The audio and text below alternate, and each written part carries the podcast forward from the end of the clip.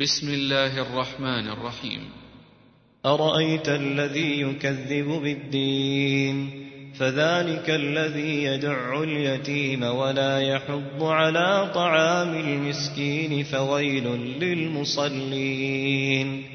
للمصلين الذين هم عن صلاتهم ساهون. الذين هم يراءون ويمنعون الماعون.